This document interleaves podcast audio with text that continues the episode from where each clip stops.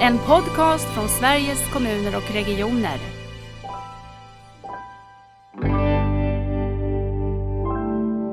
För helt plötsligt så kommer det en person med två poliser som vi leder. För vi, när vi har hand om dem så då håller vi i dem. Eh, vare sig de är våldsamma eller inte våldsamma. Och det blir inget bra. Och det genererar frustration och det genererar onödiga akutbesök Eh, och, och annat. Så att, det, att svara i telefonen, det är mitt prio.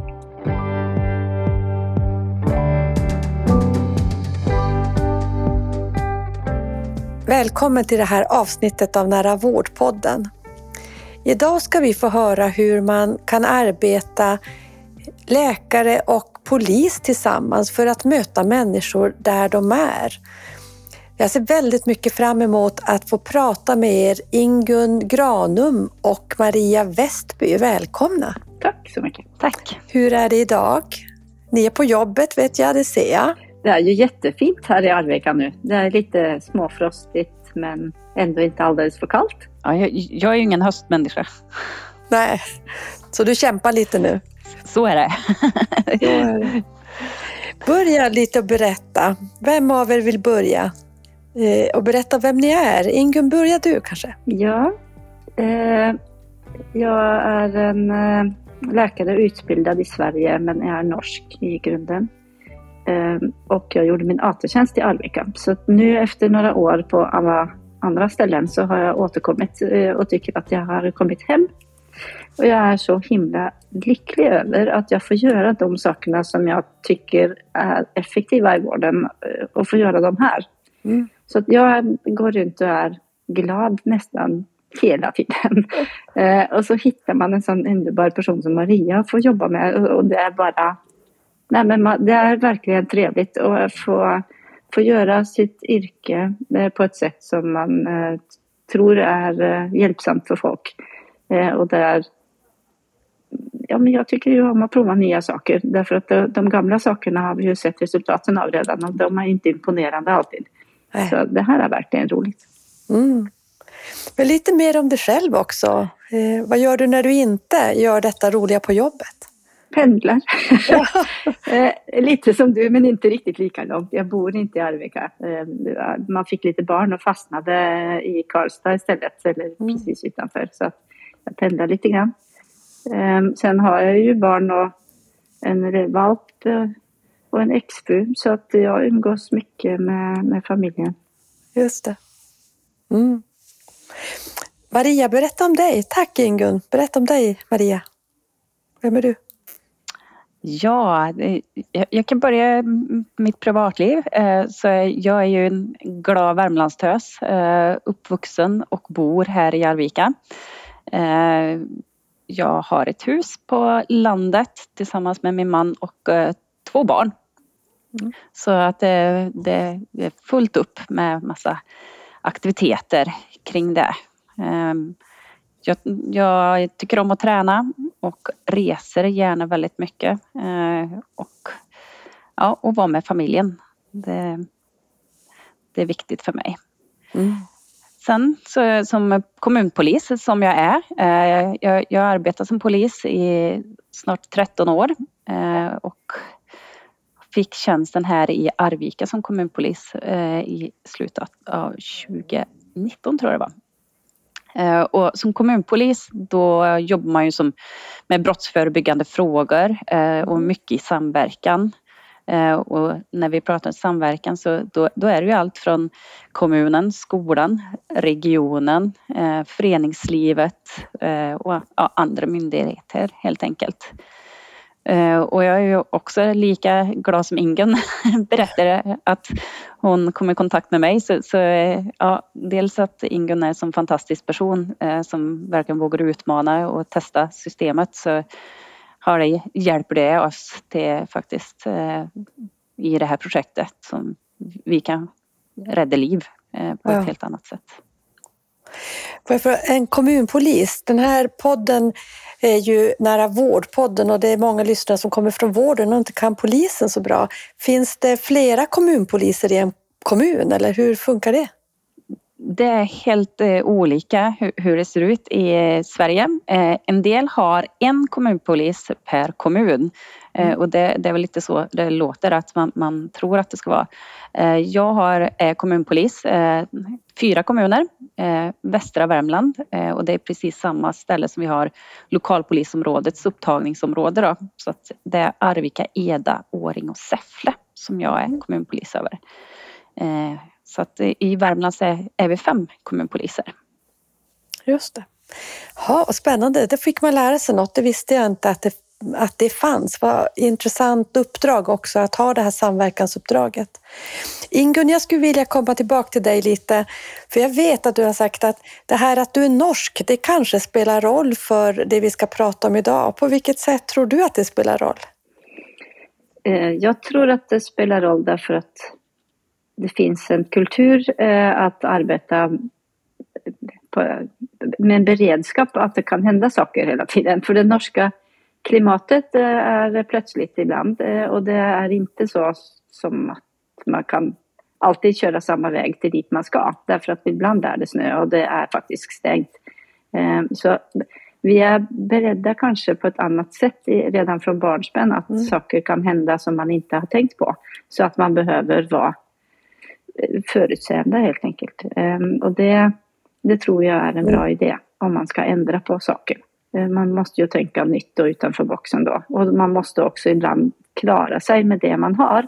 Även om förutsättningarna blir suboptimala.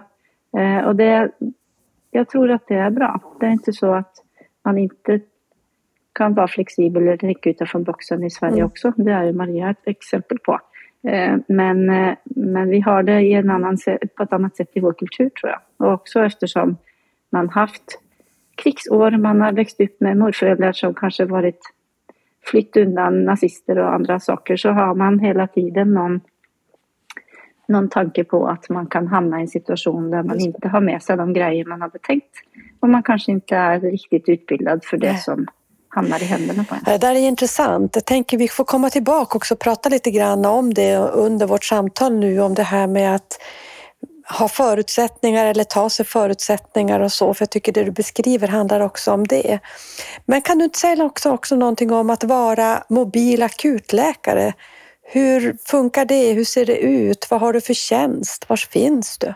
Ja, eh, jag är anställd av slutenvårdsområde Arvika för att behöva ha en anställning. Mm. Eh, och jag är kompetent att jobba på sjukhus, både på vårdavdelningar eftersom jag är internmedicinare i botten, men jag är också akutläkare så jag kan jobba på, på akutmottagning och i ambulansverksamhet.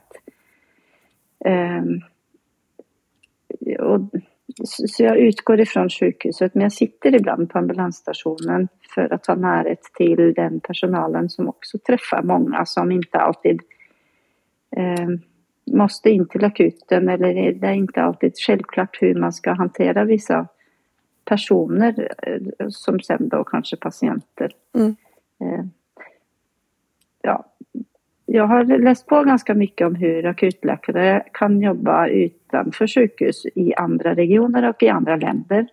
Eh, också för att akutläkarspecialiteten är en relativt ny specialitet. Den är ändå sedan 2015 här men, men eh, så Sonja är den inte, men den är inte så utbrett överallt. Eh, så det är olika sätt att lösa det mobila uppdraget eller användningen av akutläkare utomhus eh, på, på olika ställen. Eh, jag har tagit en hel del intryck av hur Stockholm har gjort och hur man har gjort i söder. Mm. Och sen också hur man har jobbat i Storbritannien bland annat jag ser att det är hälsoekonomiskt eh, försvarbart att åka ut och göra vissa insatser även om det inte alltid behöver vara så många. Så att studier från bland annat England har visat att det, det bär sig även med så få besök som fem per dag. Eh, i, och då har man andra resurser dessutom. Jag har en bil som jag har fått låna. Regionen hyr den Avis. Och sen är det jag och sen har jag lite ryggsäck, en ganska tung ryggsäck med, med utrustning i och för sig, men det är inte så jättemycket avancerade grejer. Så att kostnaderna för att jag ska åka ut och ta mm. hand om en person är ganska låga.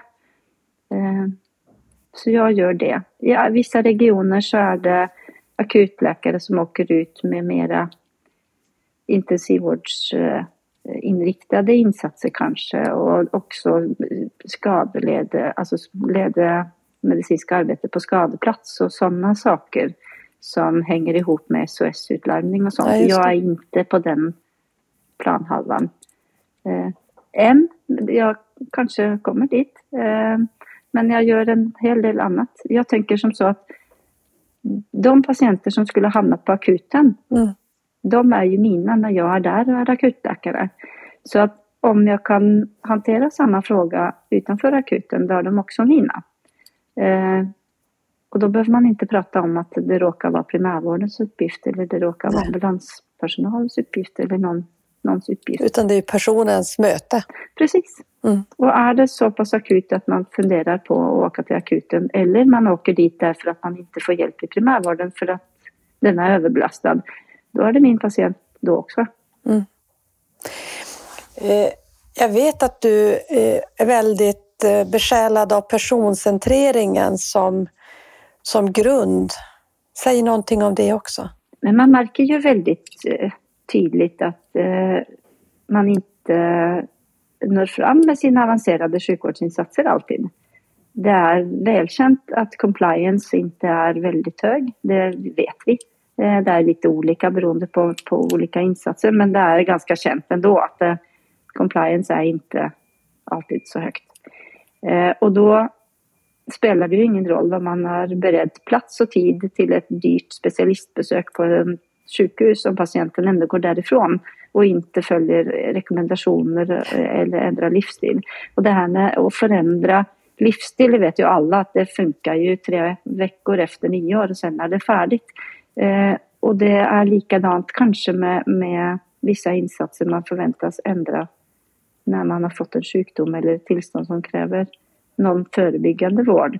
Så att utgå ifrån den personen man har framför sig och rigga så att det blir verksamt i dens liv. Mm. Det är det man måste göra. Mm. Eh, annars så har man eh, använt resursen fel och den, den, är bara dyr. Och vi vet att vi har inte resurser nog.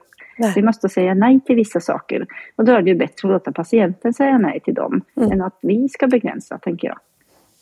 Ja, klokt verkligen. Och det är också en verkligt stor grund i, i hela den här omställningen till nära vård att ha det synsättet och den förståelsen som du beskriver. Men ni har ju inlett ett samarbete som kanske inte är det vanligaste mellan vård och polis. Så jag tänker, vi är ju nyfikna på att veta varför ni gjorde det och, och hur ni gör och vad det gör för skillnad. Så Maria, berätta från ditt perspektiv. Hur kommer det här sig? Eh, jag kan säga att det var ju faktiskt så att jag, jag fick ett eh, mejl från Ingun eh, där hon presenterar vem hon är och hur hon eh, har, har, sett på eh, utifrån att hon sitter mm. med i, eller satt med i en sån blåljusgrupp eh, när det gäller suicidprevention tror jag det var. Eh, och ja, att även polisen har en frustration över att vi åker på allt fler ärenden där vi har ja, någon psykisk ohälsa i grunden och att eh, personer vill ta livet av sig. Och att ja, de faller ju mm. mellan stolarna och eh, våran frustration är att vi, når, vi upplever att vi aldrig riktigt når fram i det här. Utan vi åker, vi åker hem till personen. Eh, ibland så är det ju så att vi kanske till och med får ta, ta tag med personer med våld. Eh, och mm. Vanligtvis den personen är kanske inte ens kriminell utan ja, personen mår dåligt helt enkelt. Eh, och då är det kanske inte riktigt vi som är rätt personer till att komma dit och göra den bedömningen, även om vi kan göra att vi tar med personen enligt tvångslagen LPT 47 som vi kan arbeta med. Eh, men vi, vi, vi känner att vi, vi behöver ha någonting mer och det, det, var väl det som Ingun snappade upp där på det där mötet och kontaktade oss. Och eftersom hon har också, vi har ju nästan samma upptagningsområden, så var hon så här att vi, vi, vi, vi måste göra någonting. Eh, och många gånger har det ju varit så här att ah, vi kan inte på grund av sekretess och ja, den biten. Nej. Men vi kan inte sitta och vänta på att vi, ja, vad, vad vi ska göra utan vi, vi, vi får börja helt enkelt. Eh, och det var väl så första kontakten togs. Ehm, Och hon hade ju redan en tanke på hur, hur hon tänkte att så här kan vi jobba. Eh, att, eh, och, och, mycket handlar ju om just i det här fallet att det är ju bara mm. Ingun själv liksom, som är väldigt tillgänglig för oss. Att när vi är på väg ut på ett ärende som har den här karaktären vi kanske har varit hos den här personen flertal gånger. Då kan vi kontakta Ingun och prata avidentifierat. Hur, hur ska vi gå tillväga? Är det någonting eller är det så att personerna kanske, vi har tagit hand om den här till tvångsvård tidigare, ja men då kan vi berätta redan att vi, vi önskar ju att hon kommer ut kanske och hjälper oss ifall hon har den möjligheten eller mm. över telefon ha en ja, konsultation på hur vi kan gå tillväga. Eh, och då får ju personen rätt professionell hjälp även om vi är med där. Eh, och, och, vi kan ju som sagt via handräckningar ta med personen men det kanske inte är dit vi ska först och främst. Eh, att personen ska få sätta sig i en polisbil eh, och så åka till närmaste vårdinrättning eller vårdinstans. Och så sen så kanske fel vårdcentral, eh, för det har vi varit med om. Och det är ju ännu mer integritetskränkande mot ja. personen och även kanske de som sitter och väntar för helt plötsligt kommer det en person med två poliser som vi leder för vi, när vi har hand om dem så då håller vi i dem eh, vare sig de är våldsamma eller inte våldsamma. Och det blir inget bra eh, och då är det mycket bättre att Ingun kanske kan komma ut hon kan träffa personen i rätt miljö. För att många gånger så är det ju lång tid som vi försöker prata med personen för att på frivillig basis kanske sätta sig i en polisbil. Men och när man väl kommer till ja, psykakuten eller ett vårdcentralen så, så är den mycket Nej. lugnare och det är inte riktigt den bilden vi möter när vi är på plats. Ja, det är otroligt spännande. Från ditt håll då, du skickar det här lilla mejlet, eller lilla, det kanske var ett stort mejl, Ingun. Hur kom det sig? Nej, men det var precis den där frustrationen som, som osade på mötet, att, att man kommer med polisbil till psykakuten och sen hinner man inte tillbaka innan patienten är hemma. Eh, och det är klart att vare sig polisen eller patienten eller psykakuten blir jättelyckliga av ett sådant förfarande. Mm. och då tänkte jag, ja, ja men vi kan, går det att göra något? Kan, jag är ju läkare, jag kan skriva LPT när det behövs. Jag kan kanske eh, använda tiden på ett annat sätt än man gör som utringd vårdcentralsläkare. Eh, jag eh, kanske kan ta mig lyxen att lägga lite extra tid och försöka göra någon typ av mini samordnad individuell plan på plats eh, med den här personen och inte bara nöja mig med frågan om, om det är tvångsvård nu eller sen kanske. Eh, så det är lite det som har präglat hela mitt arbete nu. Det är att försöka göra någonting här nu och sen vara väldigt förberedd på att det inte är säkert att det jag gör idag är bra imorgon. Så att vi får ändra. Eh, och det är väl kanske någonting av det jag har lärt mig genom de här åren inom vården att planera för mycket funkar inte därför att verkligheten ändrar sig för fort och det blir ingenting av. Eh, och det att bara ändra medan man går funkar betydligt bättre. Det är jättebra att ha jättehöga ambitioner eh, men vi når inte dem ofta. Eh, och då, då vill jag inte jobba på det sättet längre. Hur gick det på din arbetsplats då när du sa att nu ska jag börja jobba så här tillsammans med Maria? Och, och vill du fylla på något Maria i det du hör Ingun säga först? Jo, men jag, jag vill bara förstärka det här med att eh, fördelen med att Ingun kan komma ut eller eh, ja, det kanske inte blir en eh, LPT där och då. Men det är ju att vi också lär oss av varför blev det inte si? Mm. Och det, det, det ökar ju våran kunskap och kompetens på samma sätt som att då kanske inte vi varje gång åker in med någon person. För det, det, det är också en frustration från regionens håll att vi, ja nu kommer de igen och det kommer inte bli någonting.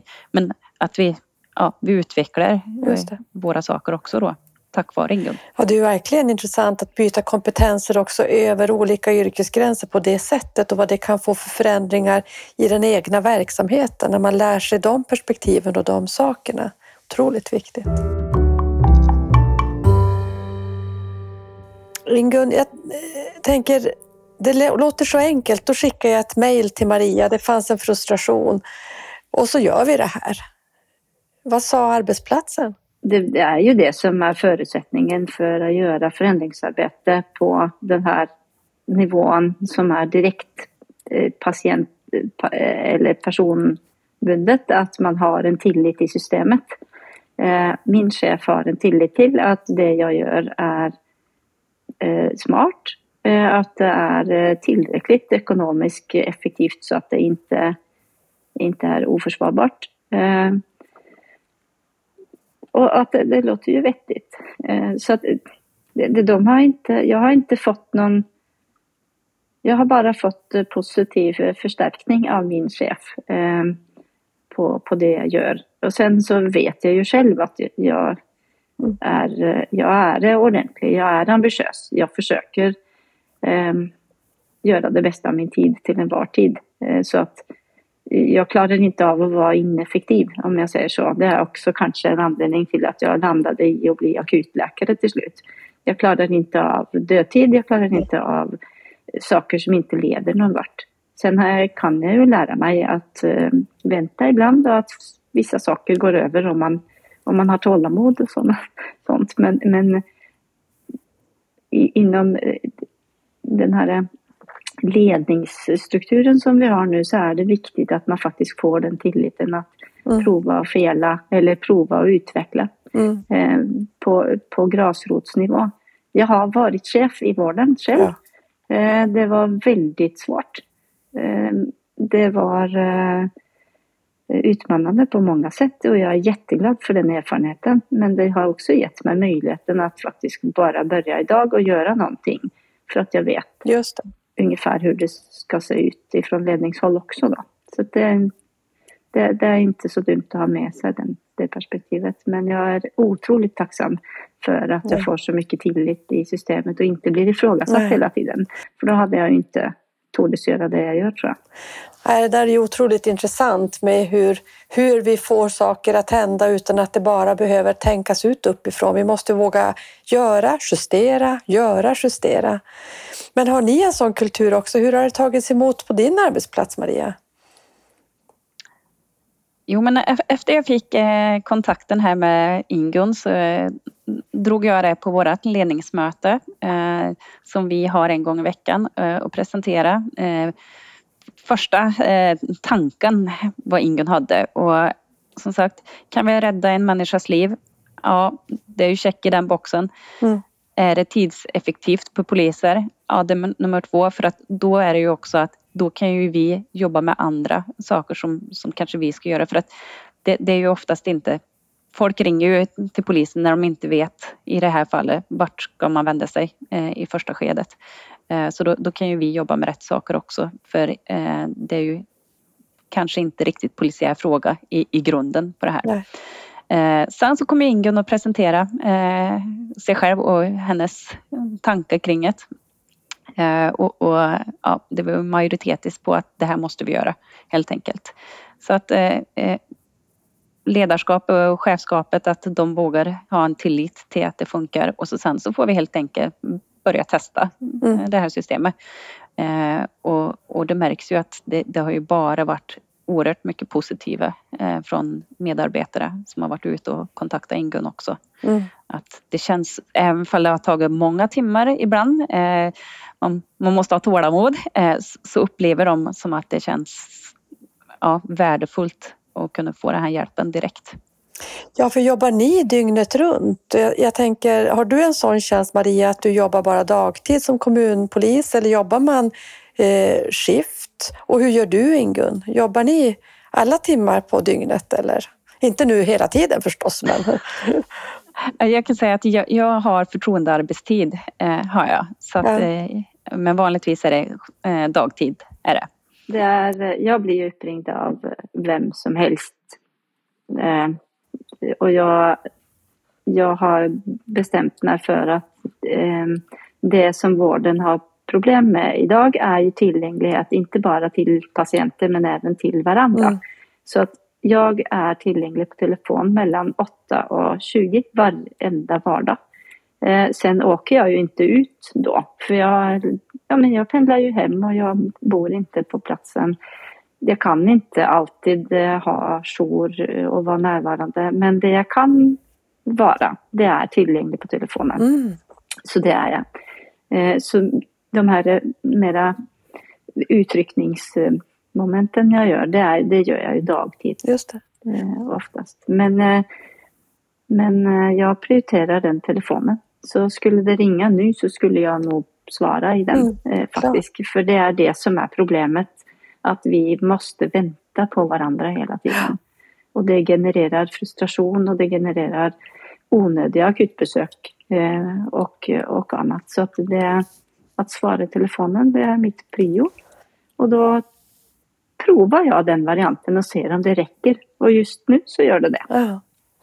Jag tänker när vi jobbar med, med omställningen till nära vård, så dels ser vi att det blir mer och mer av en välfärdsreform. Vi behöver tänka så här i hela välfärdssektorn, där polisen är ju en del av vår välfärd. Och vi pratar mycket om mellanrummen, de här glappen som finns mellan, som jag tycker ni beskriver så väl. Du kan komma till en person, Maria, och ser att här finns det ett glapp kan vi också samtidigt komma med en annan insats i välfärdssystemet så, så gör vi en bättre gemensam insats.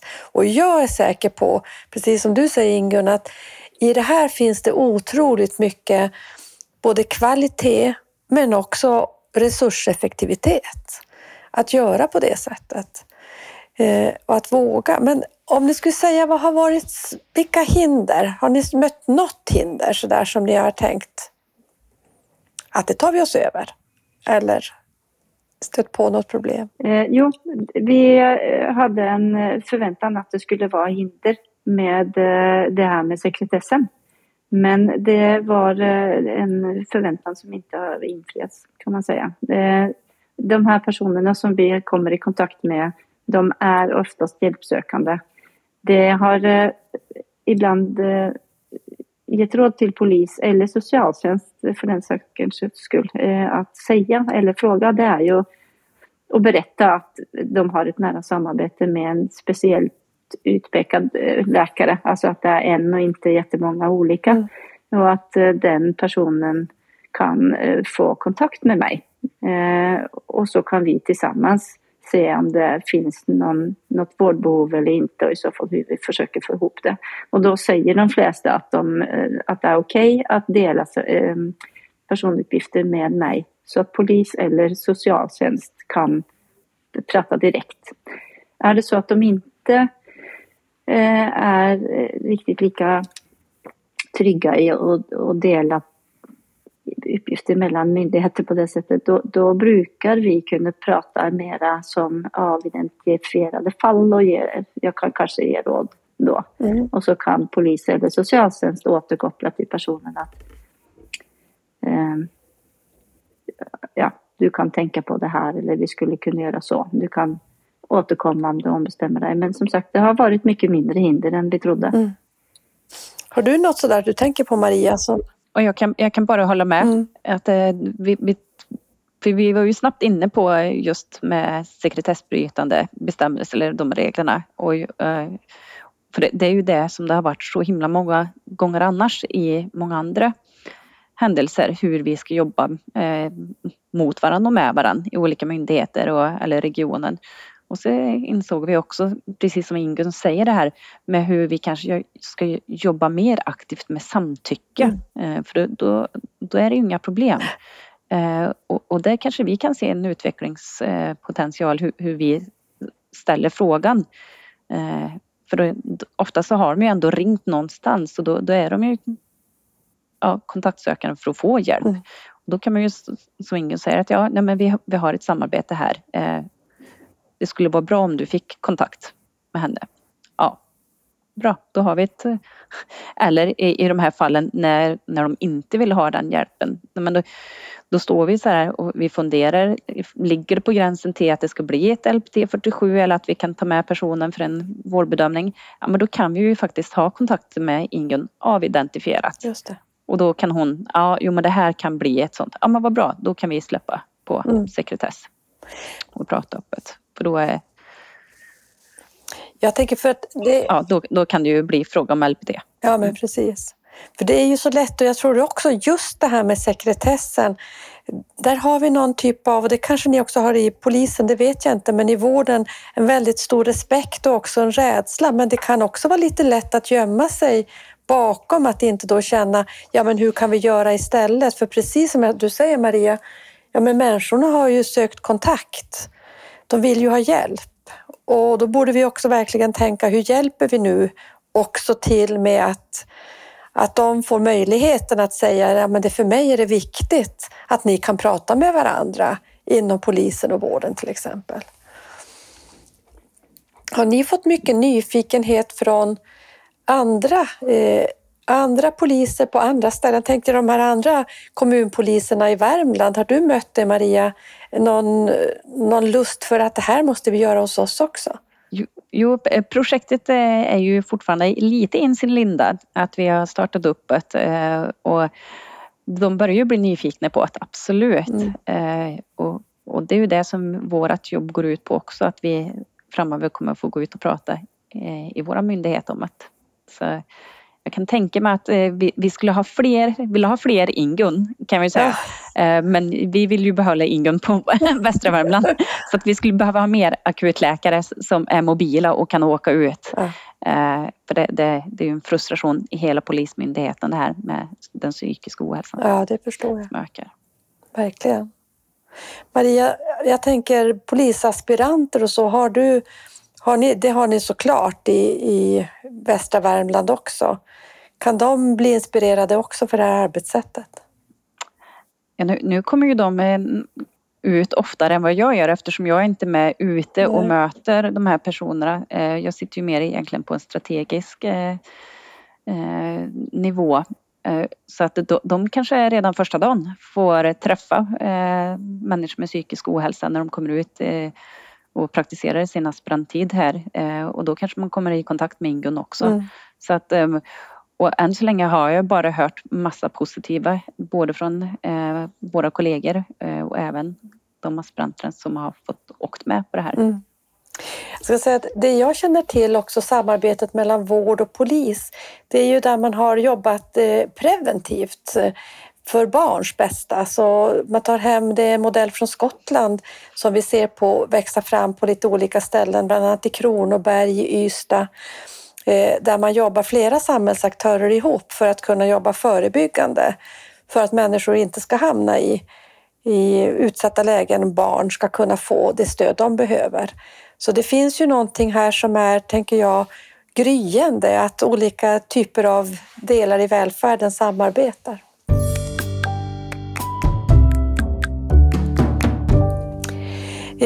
För mig är det här så väldigt, väldigt mycket nära vård. Hur tänker ni att det är?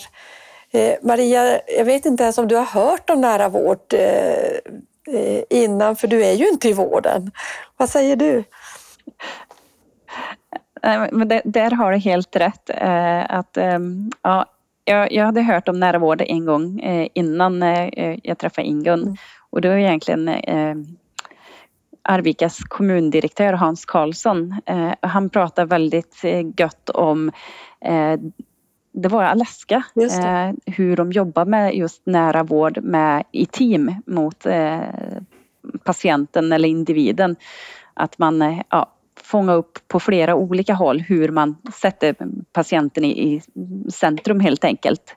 Eh, och så sen så att eh, ja, de olika verksamma eller funktionerna kom till individen och inte tvärtom. Nej. Som det kanske många gånger kan vara här att man får söka vården dit man ska och ibland så vet man inte vilken vård är det jag behöver ha för att utifrån vår profession så är det hjälp, jag behöver hjälp. Ja, ja, men med vad då? Jag vet inte. Men, och, och just det här hur de jobbar. Eh, med personen i centrum. Eh, så det var egentligen första gången. Mm. Eh, och nu försöker jag jobba in mig ytterligare här på eh, vad nära vård är. Eh, och det är oerhört spännande och helt rätt hur vi ska jobba eh, utifrån alla olika professioner. Jag tycker det låter underbart att ha som en nära vårdsupporter inom polisen. Det, det känns ju superbra. Eh, Ingung, hur tänker du kring omställningen till en mer nära vård? Ja, nej men det är viktigt att det är nära patientens vardag, att det är nära patientens känslor och att det är nära i, i, lokalt. Så att det blir effektivt det vi gör, så att vi inte gör en massa eh, onödiga eh, gränser emellan vare sig oss och patient eller satsningar på medicinska insatser som, som inte ger effekt. Vi har inte råd med det. Ehm, vi måste personcentrera det vi gör ehm, och på det sättet eh, även ehm, ja, men skapa känslor i, i arbetet så att eh, patienten känner att det är effektivt, att den blir omhändertagen, att den har en tillit till vårdsystemet och i samhället i övrigt. Just nu så har vi inte det. Vi har inte tillit till varandra i systemen, vi har inte tillit inom vården till att den andra sköter det den ska och patienten har inte tillit till oss heller. Eh, att den får den hjälpen den behöver. Så att så nära som möjligt för att skapa både tillit eh, för förändring, eh, vilket det ju är. Det är eh, livstids, livsstilsförändringar som måste till ofta för att patienten ska förebygga ohälsa eller få tillbaka hälsa. Och det är också förändringar gentemot det arbetet som vi redan gör nu in, mellan våra organisationer som ska till för att vi ska klara med de resurserna som vi inte kommer få och göra det som är mer än det vi gör nu. Vad fint, det blir som en, en stor tillitsreform också på något sätt där du beskriver alla de här olika delarna som behöver ha tillit till varandra. En fråga till dig Ingun som jag sitter och tänker på. Andra yrkesgrupper i hälso och sjukvård, skulle de också kunna finnas här mobilt? Och jobbar ni så eller eh, det är på din akutläkarbasis bara? Eller enbart, jag ska inte säga bara. Alltså just det som jag gör, mm. då är det bara jag. Mm. Men jag samarbetar med personalen som finns omkring den personen, om det finns någon. Mm. Så att jag samarbetar med socialtjänsten om den är inkopplad. Jag samarbetar med kommunsköterskor när de finns. Jag samarbetar med arbetsterapeuter och fysioterapeuter runt stroke-rehab ibland eh, om det skulle vara någon fråga där som är lite mer akut karaktär som jag behöver underlätta för. Så att Absolut, eh, jag tror det. Och jag tror att man ska ha mer eh, mobil psykiatri. Mm. Eh, så att vi måste alla börja jobba närmare patienten. Eh, och det kan vara som sagt nära i, i tid men också nära på plats. Det kan vara hemma hos folk. Det måste inte vara det för att kalla nära. Men, men absolut. Vi, må, vi måste helt enkelt ändra på det arbetssätt vi har för det räcker inte. Nej, precis. Eh, jag tänker det kan vara intressant att veta också ert upptagningsområde. Eh, hur många bor i västra Värmland eller med utgångspunkt, jag tänker ditt Maria, ditt upptagningsområde och Arvika, hur stor stad är det? För att när vi jobbar med de här olika lösningarna så blir ju också en fråga, fungerar det här hos oss? Vi bor i en större stad eller vi bor i glesbygd och eh, vad är era Ja, dels hur stort är det? Har ni någon ungefärligt hur många invånare det rör sig om? Och geografi också. Är det stora avstånd i västra Värmland eller är det ganska nära varandra, de här kommunerna? Maria, har du ett stort uh, geografiskt område eller hur ser det ut? Jo, men vi, vi har det. Vi, vi, har ju ända på gränsen. Ja. För det första så har vi ungefär totalt i västra Värmland, vårt upptagningsområde är väl 60 000 kanske. Mm. Eh, och då har vi ju Arvika som eh, kommun som ligger på ja, närmare 30, inte riktigt eh, tusen invånare. Och så sen så har vi de som är lite mindre kommunerna. Men ja, vi, vi har ju upp till två och en halv timme ifall vi skulle åka från, en, från A till B i värsta fall. Eh, så att det, det, det, är många, många timmar i bil för vår del. Eh, mm. Och det, det, kan ju ta lång tid ibland. Att polisen ja, kommer. Det är samma för min del. Mm. Jag åker på samma distanser.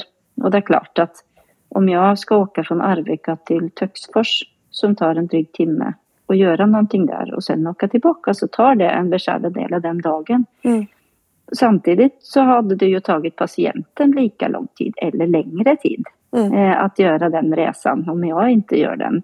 Och den personen mår ju dåligt dessutom. Det gör inte jag när jag kör bil. Mm. Så att eh, det handlar om att både hushålla med resursen som är min men även patientens resurs. Den är utsliten efter en dag inom vården om det tar så här mycket avstånd. Så att vi, kan, vi måste mäta effektivitet på ett annat sätt än vi har gjort förut. Det vill säga inte i antal patienter per, per dag kanske eller per tidsenhet men, men mer i vilken effekt ger det på den totala hälsan och hur mycket mindre resurs har jag använt i, inom polisen eller inom ambulansverksamheten. Eh, för många gånger ligger patienten i en ambulans för att komma till en akut för att träffa någon läkare. Eh, och då har man använt en, en livsräddande eh, blåljusverksamhetsresurs på, på ett sätt som inte kanske är optimalt. Eh, det, det, skapar resursbrister mm. där man kanske kan helt enkelt inte rädda livet på en drunknad tvååring. Eh, ja. För att man behöver flytta någon. Så att vi behöver tänka om och räkna på andra sätt i ekonomin på det här också. Så jag åker jättegärna till Töcksfors om jag kan spara en ambulansresurs. Mm. Ja, jag tror där är du inne på något jätteviktigt och som vi också försöker ta oss an på olika sätt i det här arbetet som, som jag får vara med och stödja. Att vi måste titta på vilket värde vi skapar och hitta sätt att, att värdera det och inte bara antal patienter eller besök eller så vidare. Det är otroligt viktigt men det är svårt. Men det får vi inte böja oss för. Jag tänkte innan vi ska börja avrunda om de som lyssnar nu och blir sugna på att det här vill vi också göra i vår verksamhet. Vad är era råd då? Börja. Du nickar Maria, är det ditt råd också? Ja, nej men precis. Ja, jag, jag, jag, jag ler och, in, och nickar instämmande för att det är liksom, se, se det som en möjlighet och inga hinder. Eh, än så länge har inte vi stött på någonting som inte klarar av utan tvärtom. Eh, mm. Det är bara positiva effekter så att eh, våga eh, och så hoppas vi på att man har en bra eh, att vi, ni har bra chefer runt omkring er som vågar tro på idén helt enkelt. Mm. Ja, fantastiskt. Ja, man måste helt enkelt bara starta.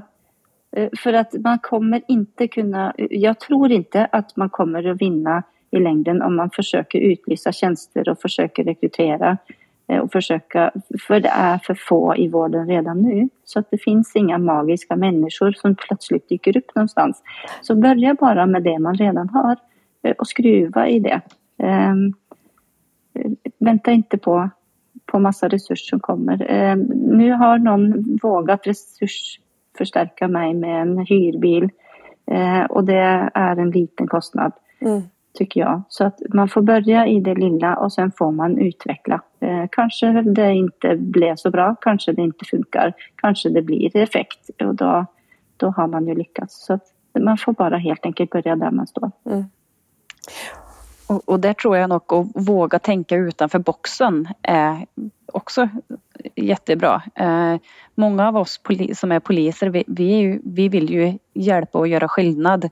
Och, och, då tror jag att det ger oss en möjlighet till att utveckla vårt arbete också. Och i det, som i det här fallet i samverkan med andra. Mm.